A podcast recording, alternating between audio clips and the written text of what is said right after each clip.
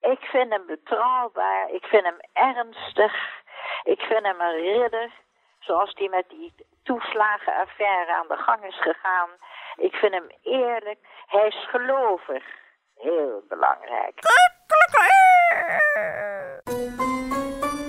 Hier is Hanengekraai door Luc Drosten met Elisabeth Bierens de Haan.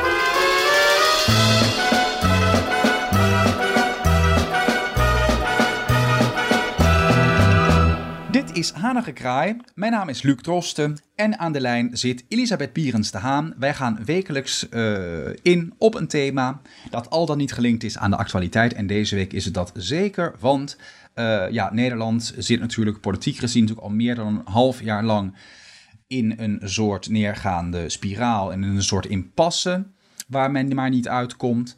En uh, ja, misschien dat deze aflevering van de podcast de politiek een impuls kan geven, want we gaan het beeld schetsen van wat in ieder geval voor ons Elisabeth Bierens de Haan de ideale premier is. En ik doop deze aflevering dan ook de pre van de premier.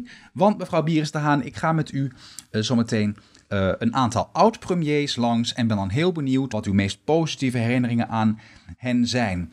Uh, mevrouw Bierens de Haan, als ik u nu op de man afvraag, wie zou voor u op dit moment in het Nederlandse politieke landschap de ideale premier zijn? En wat is dan daarop uw antwoord? Pieter Omzicht.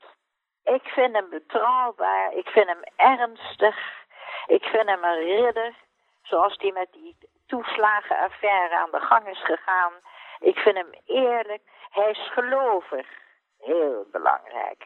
Hij heeft een goed huwelijk, schattige vrouw die hem steunt door dik en dun. Die nu ook zelf weggaat bij het CDA in Enschede, heb ik begrepen. Ik wil hem als premier. Iedereen heeft het over hem en iedereen vindt hem fantastisch. En iedereen neemt het voor hem op. De wijze waarop er met hem, uh, hoe er met hem omgesprongen is, is, uh, ja, er zijn geen woorden voor.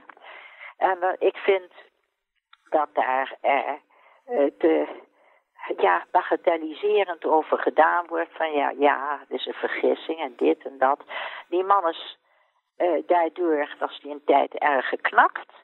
Hij veert nu weer op, gelukkig. Ik heb hem laatstelijk gezien. En hij komt weer bij van het hele gedonder. Maar dit is de man waarop ik stem. Ja, een uh... aardige premier die ik uh, bewonderde, maar die ook heeft veel kritiek gehad, Wim Kok. Dus toen mijn man heel ziek was, heb ik nog een correspondentie met hem gehad. Ik heb met veel politici gecorrespondeerd, maar ik heb van hem een alleraardigste brief teruggekregen. Dat ging over de samenwerking, de uitkeringen en de salarissen die de mensen verdienden. Dat was losgekoppeld. Ik zeg, die koppeling moet hersteld worden. De salarissen omhoog gaan, dan moeten de uitkeringen, uitkeringen ook omhoog. En toen heeft hij mij geschreven, ik ga dat meteen doen.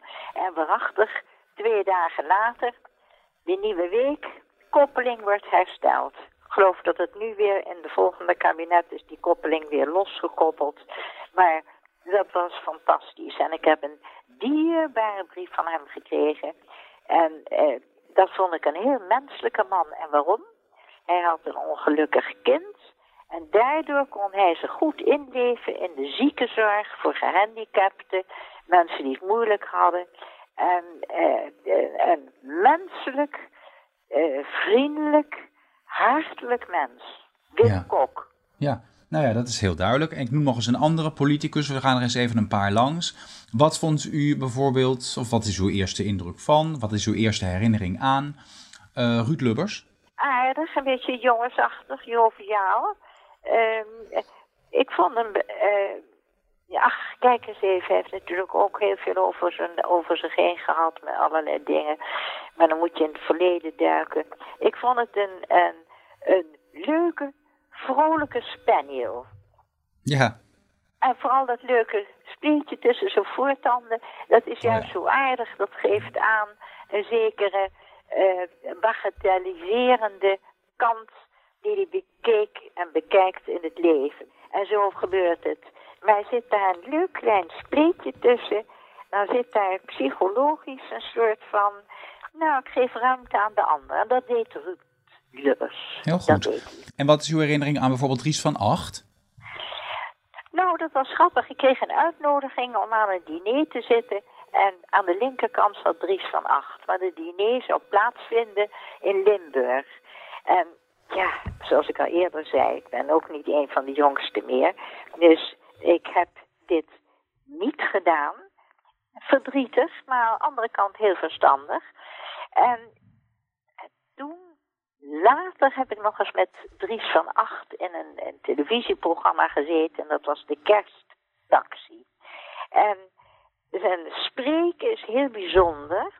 Hij eh, heeft veel ook kritiek gekregen met eh, ja, zijn Palestijnse opvattingen enzovoort. Maar als je dat nou even opzij zet, dan eh, was het een, een verfijnde man, een, een goed huwelijk, een gelovig mens, een mens die nooit klaar is met geloven. Dus als je zegt, zo zit het, neem het nou maar aan. Nee, maar ik wil dan nog, ik wil het verder uitdiepen. En eh, dat is ook een, van, een soort probleem dat hij daar moeilijk uitkomt. Maar hij is gelovig. Maar er zijn voor hem vraagstukken. Ik vind het al met al, ondanks dat ik als eh, eh, een vrouw met een Joodse moeder het vervelend vond dat hij zo met die Palestijnen aan het flirten was. Maar ondanks alles vond ik het een heel en vind ik het een heel bijzonder mens. Oké, en u eh, heeft nu al bij twee mensen inderdaad eh, het geloof als positief punt genoemd voor een, eh, een nieuw te benoemen premier. Ga ik eventjes naar een andere CDA-premier van niet zo lang geleden, Jan-Peter Balkenende. Wat vindt u van hem? Netjes. Prototype van netjes. Die zal geen leugen vertellen, die zal geen onzin vertellen. Hij doet volgens de regel, hij rijdt niet door rood. Eh, prettig. Hmm. Heel prettig.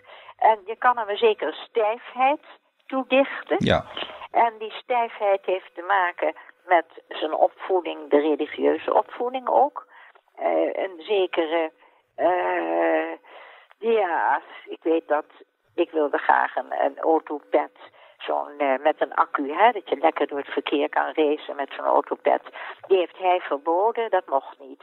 En dat vond ik echt jammer van hem, want in Amerika zie je ze, ziet ze in Californië, mensen van 90 op een autopet met een motor. Kijk. Waarom kan dat hier niet? ik zou u wel dolgraag op zo'n autopet door de Gerrit van der Veenstraat willen zien chasen.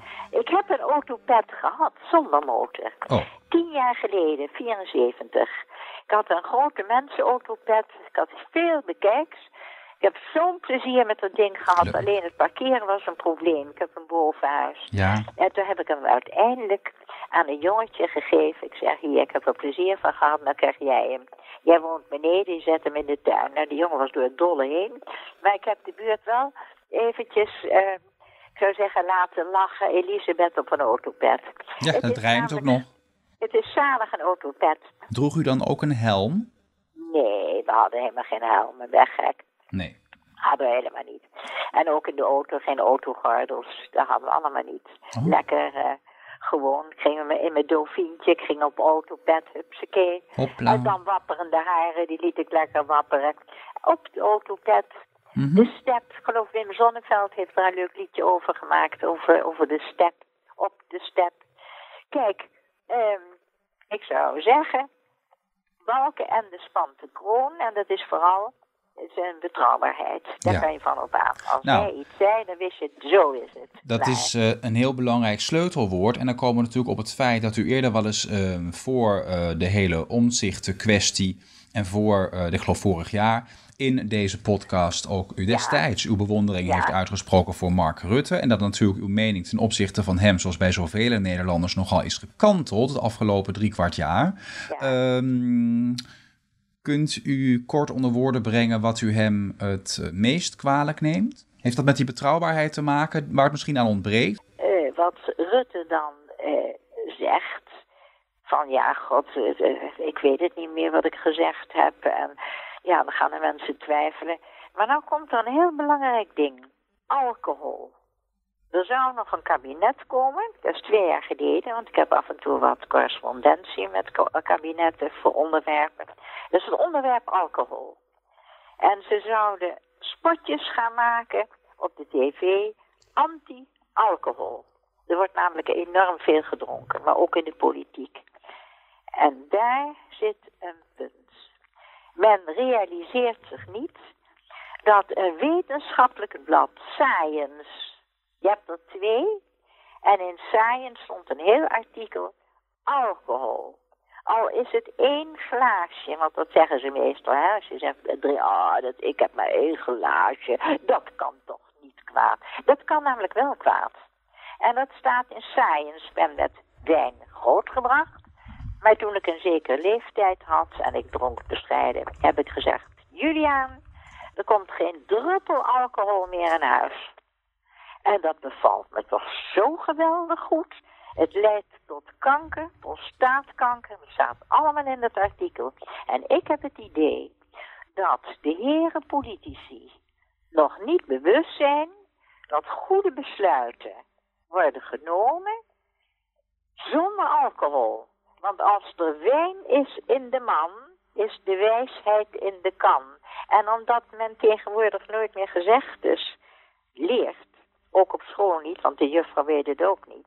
Dit is een oud-Hollands gezegde. Als de wijn is in de man, is de wijsheid in de kan.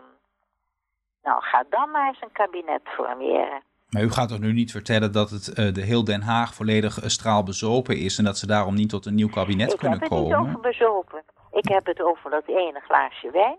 Maar... Geen alcohol meer. Ja. Ik ben rigoureus gestopt. Ik drink niets van alcohol. Niets. En daarom trillen mijn handen niet. Als ik piano speel, trillen mijn handen niet. Ik kan aan, aan, iemand zien als hij piano speelt en hij trilt. Dan vraag ik wel eens, hou je van wijn? Ja, zalig wijn. Eén glaasje wijn is al voldoende om een aanleiding te krijgen tot kanker. Ja. Het heeft een, een lijn met dementie. Zelfs het ene glaasje wijn, als je dat elke avond één glaasje doet, dementie en kanker. Ja, dus kunnen we, kunnen we samenvatten dat het um, belangrijkste kenmerk van een toekomstig premier voor het eerstvolgende kabinet moet zijn dat hij een glas alcohol kan weerstaan, dat hij van de fles af blijft? Er zijn problemen. Ja. En daar hoort geen alcohol bij. Ja, dus... En that's my statement. Politiek, geen alcohol. Dus een in alle opzichten nuchtere premier. Nou. Dat, zegt, dat zegt hij heel lief en heel goed. Een nuchtere premier. En wat, zal ik je nog iets grappigs zeggen in de Torah? Want ik heb de Koran en ik heb de Torah en ik heb de Bijbel. De islamieten, die mogen geen alcohol drinken. Maar dat is merkwaardig.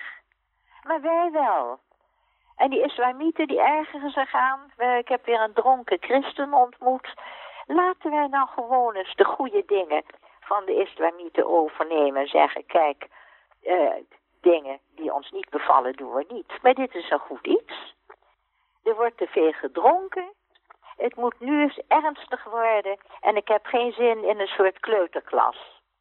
Nou, en nou, dat, uh, dat is het. Helemaal goed. Geen kleuters in het kabinet. We gaan het afronden en we gaan, we gaan het zien. Een man en, en daar dat vind ik dus prettig. Je praat met iemand die gewoon logisch, helder logisch denkvermogen heeft. Maar als Rutte zegt, ja, dat weet ik niet meer, heb ik dat nou gezegd? Nou ja, volgens mij is zijn gebrek aan herinnering niet per se gelinkt aan alcoholgebruik, maar meer aan politiek uh, aan zich. Maar dat is weer een andere kwestie. Zuiver, helder, logisch denkvermogen. En laat een toekomstige premier dat vooral als uitgangspunt nemen. Ja, en dan een soort Pieter Omzicht.